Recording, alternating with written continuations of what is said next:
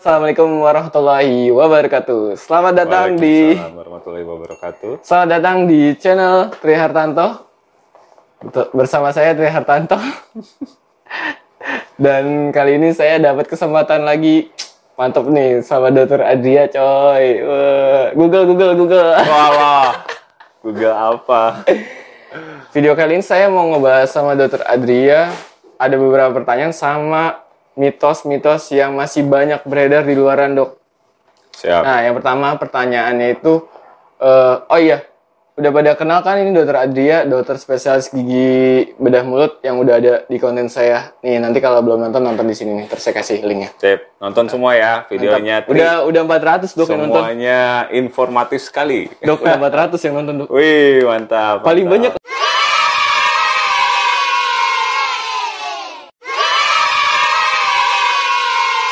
Iya coy, serius 400 ntar temen-temen bisa lihat di konten cast.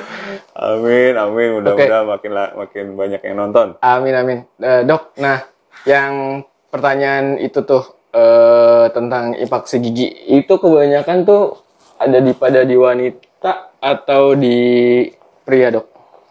Eh, impaksi gigi itu mungkin saya sedikit cerita tentang impaksi Dokter gigi cantik lah nanti ya. keluar keluar aja nggak apa-apa dok. Jadi impaksi gigi itu adalah Sini keadaan enggak enggak kelihatan enggak kelihatan. keadaan di mana eh, gigi itu terpendam di dalam tulang. Nah, ini sering kali membuat masalah nih. Jadi gigi itu kadang membuat gigi depannya jadi rusak. Atau gigi yang terpendam ini juga bisa menjadi suatu potensi kis- kista ya. Kista yang disebabkan oleh gigi. Makanya buat semua yang belum pernah ronsen gigi, mendingan ronsen deh. Ronsen gigi biar kelihatan ada gigi yang terpendam, impaksi atau tidak. Nah, gigi impaksi ini sebenarnya sih eh, sebenarnya secara eh, statistik gitu ya, malah lebih banyak di perempuan Oh sebenarnya. perempuan. Karena gigi impaksi ini sering terjadi pada pasien yang mempunyai rasio panjang rahang dengan lebar gigi yang berbedanya jauh. Jadi misalnya nih, giginya gede-gede, Iya, sip. tapi rahangnya kecil. Oh gitu. Nah, itu sering terjadi impaksi. Nah, emang kalau di Asia itu bentuk rahang perempuan itu jauh lebih kecil dibanding dengan bentuk rahang laki-laki. Oh, sebenarnya gitu. Oke. Makanya sehingga lebih banyak terjadi sebenarnya di perempuan dibandingkan di Hmm. laki-laki. Selain itu juga beberapa studi mensuggest ya, suggest tuh memperkirakan kalau laki-laki itu mempunyai eh, diet atau makanan yang cenderung lebih keras dibandingkan dengan perempuan. Diet Ya, jadi makanan-makanan cowok mungkin apa batu ya, kerikil.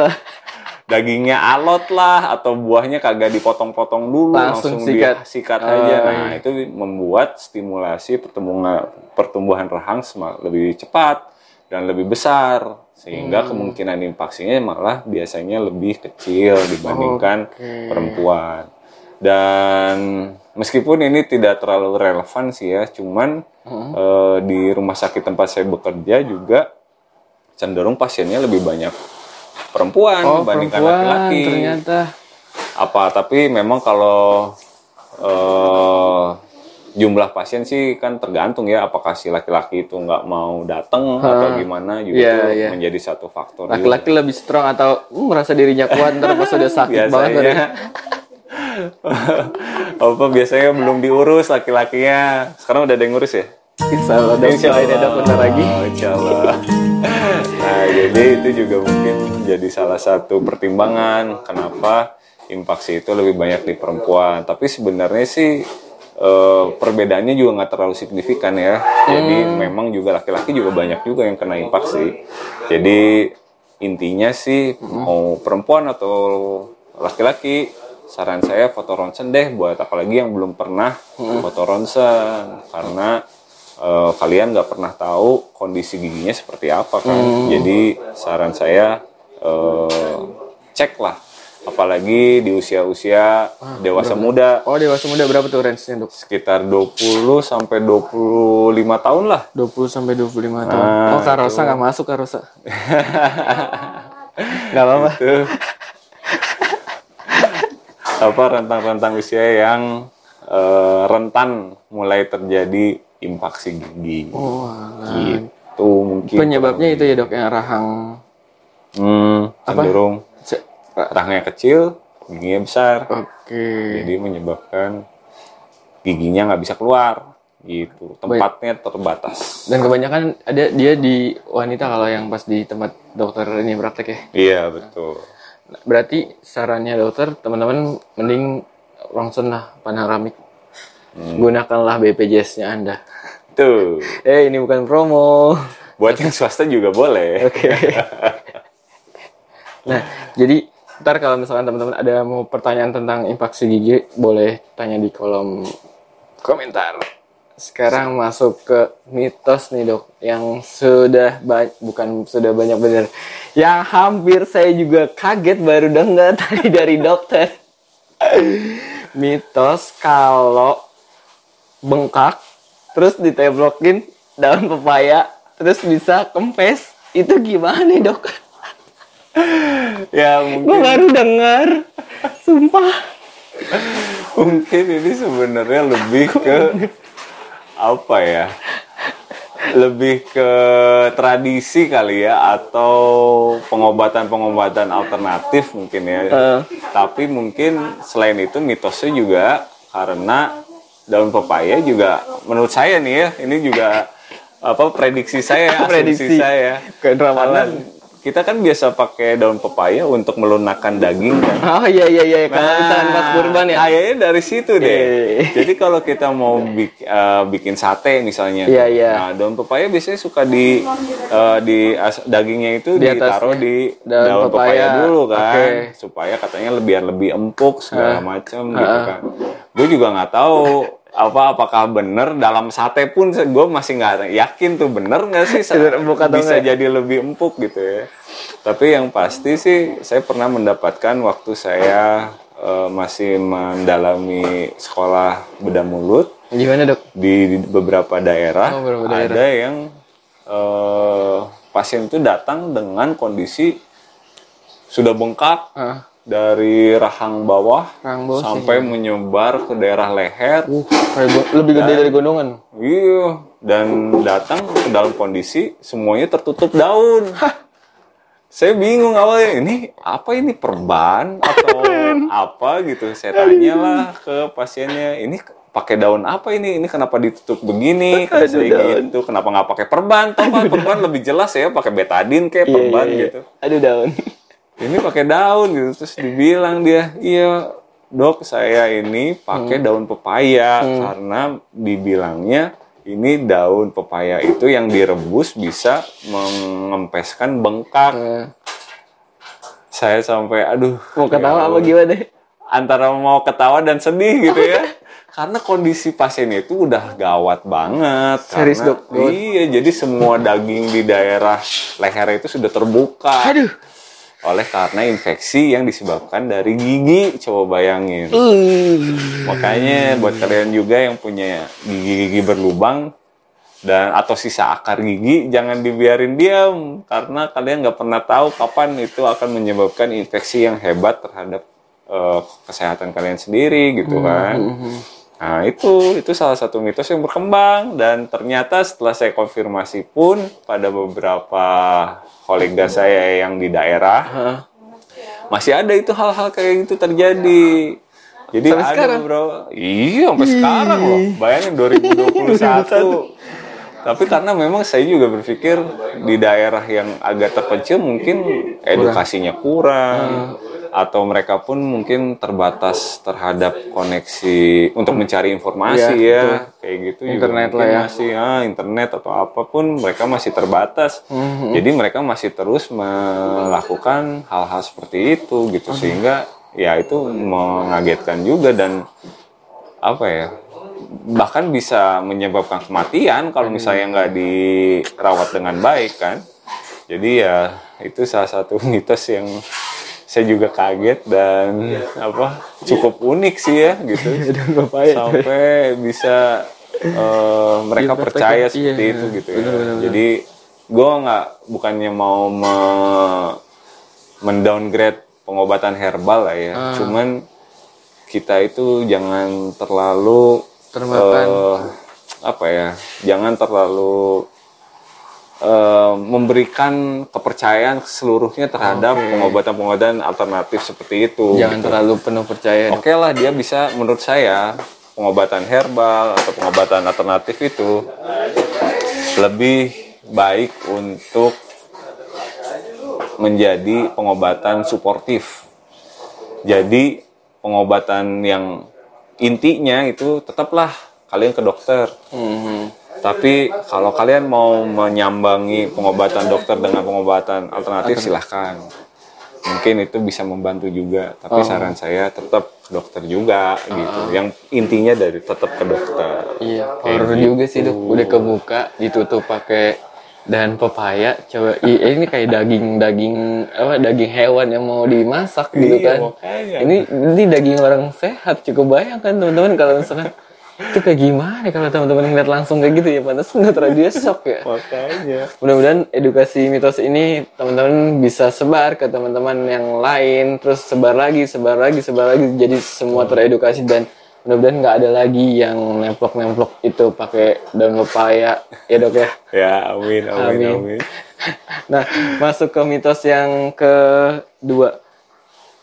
Satu, eh, em, apa dok yang tadi itu mitos yang Yang habis dibius. Ah iya, habis di misal dokter Adria ini kan kalau misalkan bius itu kan lebih identik ke kamar operasi. Nah orang yang eh, bisa dikasih tahu dok kalau misalkan orang yang masuk ke kamar operasi itu untuk kayak gimana tindakan atau apa aja. Jadi dia harus melakukan pembiusan tuh gimana?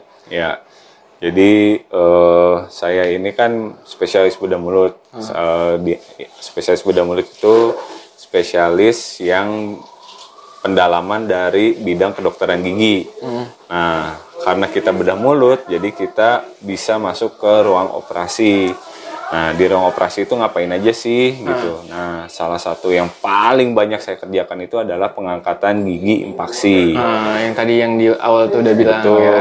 Pada beberapa kasus gigi impaksi itu biasa bisa menjadi ekstrim atau bisa sangat sulit untuk dilakukan pengangkatan apabila dalam pembiusan lokal. Oh iya iya iya. iya. Tuh, jadi misalnya posisinya yang kebalik atau terpendam di dalam tulang yang sangat jauh atau pasien punya ansietas yang terlalu tinggi Atau apa gitu tuh ya. dok? Maaf ansietas. Jadi pasiennya takut banget Oh. nggak berani banget untuk dilakukan pengangkatan Parno, parno, ya. dalam anestesi lokal gitu ya. Nah itu itu salah satu indikasi yang bisa kita lakukan Di kamar untuk operasi. dimasukkan ke kamar operasi. Nah, Nah, ya. mhm. Jadi maaf dok saya bilang. Nah jadi itu yang dijelasin sama dokter Adria. Nah ini masuk ke mitos yang tadi nih. Jadi tadi udah dijelasin sama dokter Adria. Masuk ke mitos yang tadi itu banyak kan yang misalkan sudah masuk ke kamar operasi. Ini bukan buat do- gigi doang ya dok ya. Hampir Ya, semua ya may- semuanya mayoritas ya. nih. Jadi ini hampir universal global. Jadi dia nggak bangun lagi. itu mitos yang masih banyak beredar. Itu coba tolong dijelaskan biar ya netizen dan halayak kamu nggak mikir yang kayak gitu lagi. ini tuh sebenarnya mitos tapi juga bisa terjadi juga gitu ya. Jadi sering kali banyak beberapa pasien saya itu yang setelah saya jelaskan kondisinya dan harus dilakukan eh, Operasi. operasi, tiba-tiba dia nanya, dok, nanti kalau dibius nggak bangun lagi, katanya gitu.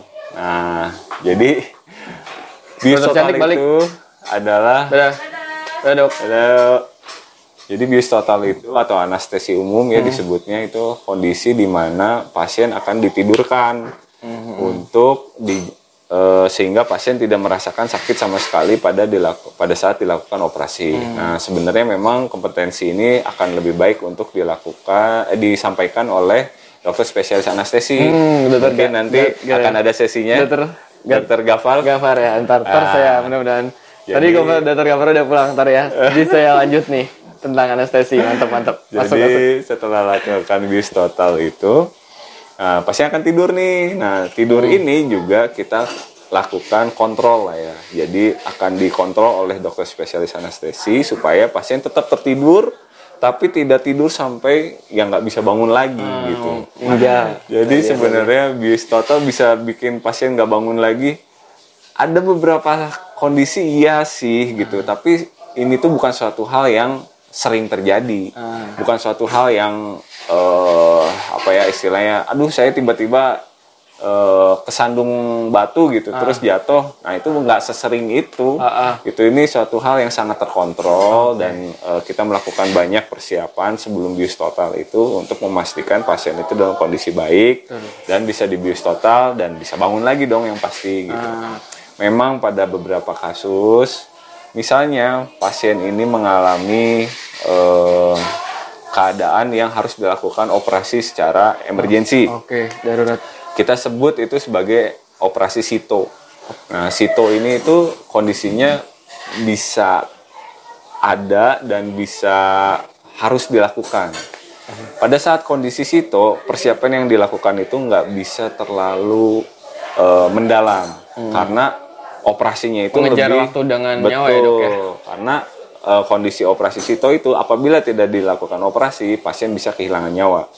Gitu. Makanya jadi pasien mau nggak mau harus dilakukan bius total. Nah, pada saat bius total, nah bisa nih ada beberapa kondisi pasien yang eh, tidak terdeteksi. Misalnya pasiennya punya penyakit jantung atau pasiennya mempunyai alergi terhadap obat anestesi yang kita nggak tahu nih sebelumnya. Karena kita karena harus- pasiennya buru-buru harus dioperasi. Ya. Nah, pada kondisi tersebut, eh, saat dokter anestesinya mungkin juga ket- mem- mempunyai keterbatasan alat atau eh, obat gitu, pada saat pasien tersebut dilakukan bius total dan terjadi komplikasi, kalau terjadi nih ya, Hmm, ya, ini nggak selalu terjadi ya, Ya, nggak selalu terjadi komplikasi itu. Tapi pada saat kalau terjadi komplikasi, bisa nih pasien itu sulit untuk diregulasi tekanan darah atau eh, apa eh, nafasnya sehingga menyebabkan pasien itu memburuk dan yang kita nggak mau akhirnya eh, kehilangan nyawa pada saat di bius total gitu sehingga seolah-olah pasiennya nggak bangun lagi. Nah sayangnya kondisi ini tuh tidak dijelaskan dengan baik di masyarakat. Masyarakat cuma tahu oh kemarin si A di bius total tapi nggak bangun lagi akhirnya meninggal. Nah yang tersebar seperti itu sehingga terbangunlah mitos kalau di bius total itu nanti nggak bangun lagi loh. Gitu. Ya, mindset mindset orang-orang jadi dia langsung dan nggak di kalau bahasa kita kerennya diklarifikasi gitu kan Nah. cari dulu sumbernya bener nggak Betul. tanya gitu. kita main ambil mentah-mentah itu kayak nggak bagus lah sekarang. Hati-hati zaman digital gini dok ya. Ah, main ambil-ambil aja itu bahaya banget. Jadi kalau kemungkinan yang mitos itu kalau misalnya sudah terjadwalkan terus sudah ter apa ya kalau misalkan itu di, di- apa ya, eh, sebelum di Dievaluasi. dievaluasi terus nah udah ter udah ter apa ya udah terstruktur dengan baik gitu terjadwalkan ya itu insya Allah nggak ada kemungkinan seperti itu nah Betul. kalau yang kayak gitu tuh kemungkinan yang kayak tadi tapi itu pun nggak bakal begitu diusahakan sama Betul. dokter tuh yang sebaik mungkin nggak mungkin ada dokter yang jahat sampai mau Betul. nauzubillah bikin pasien, Pasien mati sampai gitu kehilangan nyawa gitu nggak nggak mungkin nggak ada itu nggak ada Ya, itu malpraktek betul. malpraktek mas ya malpraktek masuk kayak gitu kan yang bikin bahaya bahaya Ya. banget gitu kan Betul. nah jadi kurang lebih kayak gitu teman-teman ada satu lagi dok yang tadi tuh apa ya saya lupa eh kalau nggak salah apa tadi ya? Saya sampai lupa. Gi- gigi berlubang Saking apa? banyaknya. Oh iya gigi berlubang akibat ulat, oh iya akibat cacing. Dan ini masih ada loh sampai sekarang. Sampai sekarang. Waduh, ngaco banget. gigi berlubang karena ulat Karena ulat, coba. ulat Sekarang itu, aduh. aduh ini 2021 masih ada makanya saya pas ke denger Hah?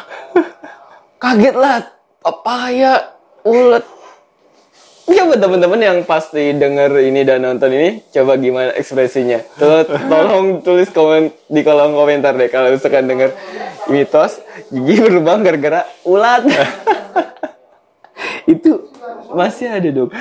Ya, jadi pertama kali saya tahu tentang ini tuh pada saat saya sholat Jumat. Ya, sholat Jumat. Saya sholat Jumat di salah satu masjid yang cukup besar. Waktu itu di Bandung. Oh daerah Bandung. Daerah Bandung ya.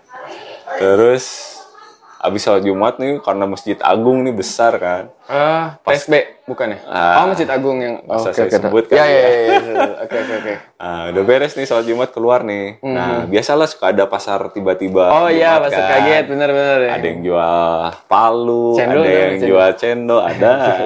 ada yang jual macam-macam deh, obat Ya, ya. juga ada. Know, I know, I know. Nah, anehnya ada salah satu yang menyediakan jasa cabut gigi. Coba. Aduh, Gila nggak?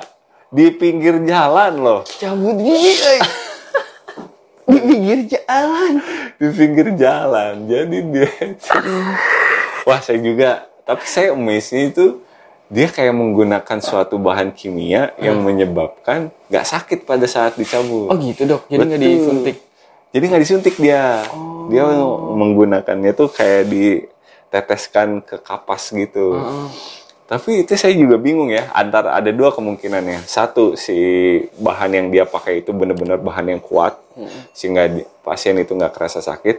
Yang kedua pasien-pasien yang dilakukan eh, pencabutan di situ adalah pasien-pasien rekanannya dia Oh. bisa jadi kayak gitu. oknum, Jadi oknum. ah oknum. Jadi biar kelihatan kalau dia benar-benar Benar. ahli gitu ya. Hmm, Nah, di situ dia jual nih. Dia jual Jual. obat tersebut eh dengan cara dipakai ditaburkan di kapas, masukin ke gigi yang ber- berlubang. Karena menurut dia gigi itu berlubang oleh karena ulat. Oh oke. Jadi dia itu ada ulat di dalam gigi sehingga menyebabkan giginya keropos, rusak dan ulatnya itu harus dimatikan. Karena kalau ulat itu nggak mati, Hmm. giginya akan sakit terus dia bilang gitu. Dan lucunya lagi, dia juga melakukan suatu demonstrasi dengan me- membasahi kapas dengan obatnya dia itu, terus ditempelkan ke daerah gigi berlubang pasien yang ada di situ, terus sama dia ditaruh di kaca yang dikasih air. Ah, kayak gue pernah deh nih. Gue pernah juga nih. Gini. setelah di kaca eh, apa kapas yang ditaruh di ke gigi berlubang itu terus dilarutkan di air ya kayak dikocok-kocok di air gitu. Kayak ada benang-benang gitu. Oh gitu. nah itu dia bilang itu ulatnya tuh. Oh, kayak gue pernah deh, kayak gue deh itu. Bener itu. Juga, saya juga sampai sekarang masih belum tahu itu gimana caranya supaya terjadi hal seperti itu ya. Cuman wah bener-bener me- memain mencuci otak orang banget gitu. Kan kita tahu sendiri ya orang itu kan seeing is believing ya. Ah, pada saat kita lihat kita percaya apa itu gitu. Ah. padahal sebenarnya itu belum tentu hal yang benar. Ah. nah itulah yang menyebabkan dia laku banyak orang yang beli segala macam dan itu mitos tersebar sangat kuat di masyarakat. Gila. kalau gigi berlubang itu sama ulat. Nggak usah ke dokter gigi beli aja obatnya dia. Gitu dia bilang waduh padahal kita tahu sendiri ya gigi berlubang itu diakibatkan oleh bakteri yang ada di mulut kita. Bakteri jadi komponen karies itu karies itu adalah gigi yang berlubang ya. Ah, gigi yang berlubang disebut itu karies. Karies itu ada tiga komponen penting yang harus yang berperan penting sehingga terjadi karies. Yang satu adalah bakteri, yang kedua itu adalah giginya, yang ketiga itu adalah waktu. Eh sorry, bukan gigi, bakteri, karbohidrat dengan eh, waktu. Oh, karbo Gitu. tuh bahaya emang gula ya dok ya? Betul. Jadi ketika tiga itu present atau tiga, ketiga faktor itu ada di dalam gigi dan itu terjadi eh simultaneous ya, jadi ber, berbarengan. Oh. Jadi gigi ada bakterinya, Oh. terus ada karbohidrat, karbohidrat itu bisa gula, bisa apa apa pun. Terus ada waktu, waktu itu jadi dalam waktu yang lama tidak Oh, diapa-apain Iya, iya, iya. ya iya. pasti karies Oke. karena bakteri itu menggunakan karbohidrat untuk memproduksi asam Oh. asam itu yang akan lama-lama merusak email kita sehingga eh, gigi itu jadi berlubang perlahan-lahan. Oh, bakteri itu makanannya si karbo itu. Betul. Makannya teman-teman. Udah tahu kan? Badan Jangan obes lah, obes bahaya banget gitu ya olahraga. Mungkin saya tambahin juga mitos ya. Iya, satu lagi. Makan gula bikin gigi berlubang. ah, Mitos banget nggak tuh? ah, iya. Wah, itu itu mah iklan. itu bukan mitos lagi, bahkan kayak sebagai anjuran coba. Ya kan? Iya bener. Padahal bukan gitu konsepnya. Tuh, tambahin satu lagi nih. Harus gimana konsep? Konsepnya itu adalah boleh silahkan kalian mau makan gula oh, sebanyak apa gitu, mau makan permen, es krim apa, tapi sikat gigi. Oh, mau oke. satu truk makan gula juga asal sikat gigi nggak akan berlubang giginya. Hmm, Oke, oke, oke. gitu jadi oke lah kalian mau makan gula atau mau makan karbohidrat apa pun sebenarnya nggak masalah cuman yang penting itu kita harus meng- mengeliminir bakteri sama waktunya nih jadi dengan cara menyikat gigi atau berkumur dengan bah- obat kumur yang Ya, khusus gitu iya, ya iya, untuk iya. me- meli- melisiskan karbohidrat Nah, nah, nah, nah. itu bisa kalian mau makan sebanyak mungkin gitu Pantes. tapi Pantas kalau ibu saya kalau misalkan apa waktu itu habis makan sikat gigi gitu. Terus kalau nggak minum air putih biar mungkin dia Iya, gitu. air Tapi putih sikat gigi juga sih bener. betul air putih juga Buat akan netral. membantu menetralisir asam yang ada di dalam mulut. Ya, yang nempel-nempel ya dok ya. Betul. Nah, jadi intinya itu kalau nggak mau giginya berlubang, tiga faktor itu harus ada yang dihilangkan.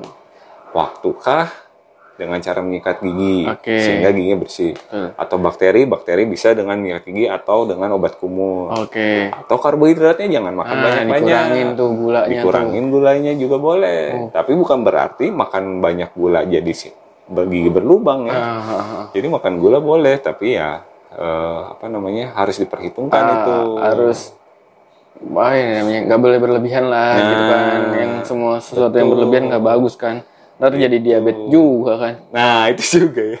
Makan gulanya juga jangan banyak-banyak, Iya ntar kan? diabetes. jadi diabetes tuh bener kan serem banget kalau udah diabetes Betul, Wah, betul. banyak banget itu emang penyakit dari gula tuh ah saya mau diet Gak, gue segini diet diet gula Diet gula. Oke, jadi teman-teman itu, duh ilmu banget tuh ayo teman-teman mungkin ini bisa di share ke teman-teman yang lain. Siapa tahu ini pasti ini bermanfaat banget sih kalau menurut saya. Saya juga baru dengar dari dokter Ade yang tadi kaget gitu. Wah, ini ilmu banget nih. Mudah-mudahan nanti Betul. yang banyak yang belum tahu soal mitos-mitos ini jadi pada tahu. Terus Amin. Nah, teman-teman bantu ini share video biar semua pada ngeliat. Nah, kan siapa tahu nanti dapat pahala. Amin. nanti kan orang pada sehat. Ntar kalau orang udah pada sehat, terus dia bisa kayak aktivitas atau ibadah gitu. Terus kita juga kebagian pahalanya. Amal jariah ya. Amal jariah. Ini Amin. makanya ini saya buat video ini. Semoga ini bermanfaat banget buat teman-teman. Sampai ketemu lagi di video selanjutnya. BTW ini kita udah swab kita aman, alhamdulillah. Jadi Alhamdulillah. kita lepas masker. Teman-teman jaga kesehatan selalu. Dokter Adria, makasih banyak dok. Sama-sama. Gila keren. Mudah-mudahan. kalau teman-teman mau eh, saya collab lagi sama Dokter Adria, komen, Coba. follow Instagramnya. Ntar nggak? saya saya taruh di sini nih. Ntar saya nama Instagramnya nih. Sip. Terima kasih sudah menonton dari awal sampai akhir. Mohon maaf jika ada salah. Sampai ketemu lagi di video selanjutnya. Teh Hartato pamit. Dokter Adria pamit. Pamit juga. Assalamualaikum warahmatullahi wabarakatuh. Bye. Sehat-sehat selalu. Salam sehat. Mantap.